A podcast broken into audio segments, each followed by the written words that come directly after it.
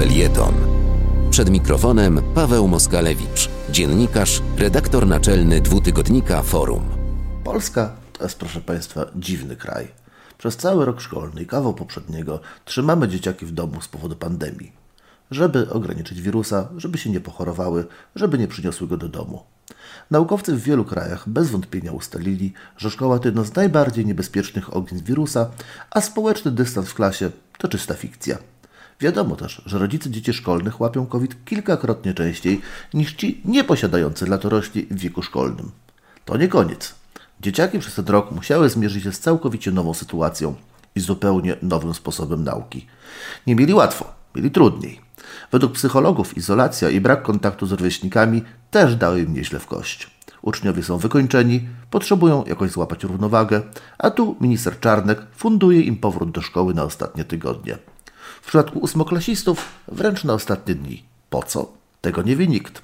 Wiadomo za to, że w wielu szkołach już czekają nauczyciele, którzy chcą wziąć odwet za rok bezkarnego ściągania i wreszcie sprawdzić, czego młodzi ludzie się nauczyli, a raczej czego się nie nauczyli.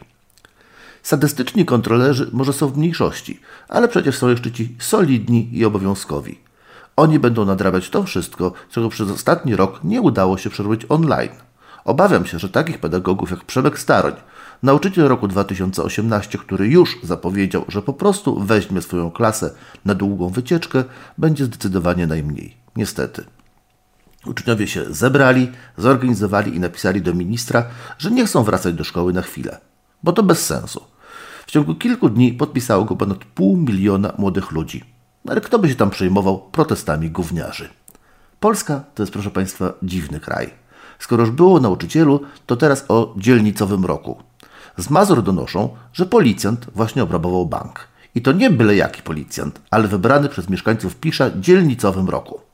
Mężczyzna założył kominiarkę, steroryzował kasjerkę i zabrał 80 tysięcy złotych. Szybko złapany przyznał się i trafił do aresztu. Czarna owca? Być może. Ale gdy głębiej przyjrzeć się sprawie, staje się mniej oczywista.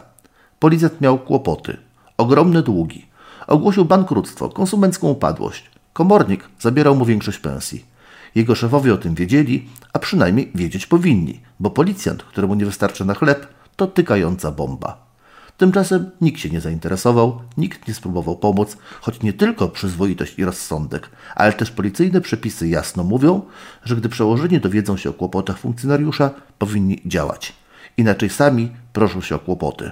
Tu nikt nie zrobił niczego. Więc dzielnicowy poszedł i wziął pieniądze z banku. Jak to mawiają, na rympał.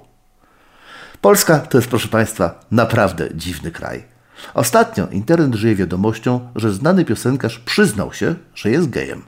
Już samo słowo przyznał się jasno sugeruje, że to wstydliwa tajemnica, która wreszcie wyszła na jaw. No i się zaczęło. Aktywiści od razu wzięli go na sztandary. Więcej takich kamień autow wołają. Wyjdźcie z szafy, wy wszyscy, którzy tam siedzicie, tu się toczy bój o sprawę. Potem jest całe spektrum.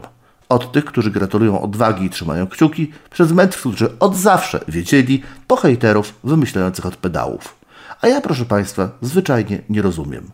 Nie interesuje mnie, co pan P robi w swojej sypialni, kogo i jak kocha. To jego bardzo prywatna sprawa. Możemy rozmawiać o jego piosenkach, ale dlaczego na Boga dociekamy, jakie ma seksualne preferencje? Artystów hetero o to nie pytamy. Ci homo rozpalają chore emocje. I dopóki tak będzie, dopóki publika z wypiekami na twarzy będzie dociekać gay on czy normalny, Polska normalna nie będzie. Uwaga! 15 autorek i autorów cyklicznych programów oraz 35 felietonistek i felietonistów znajdziecie Państwo na antenie Halo Radia, które mówi wszystko od poniedziałku do soboty.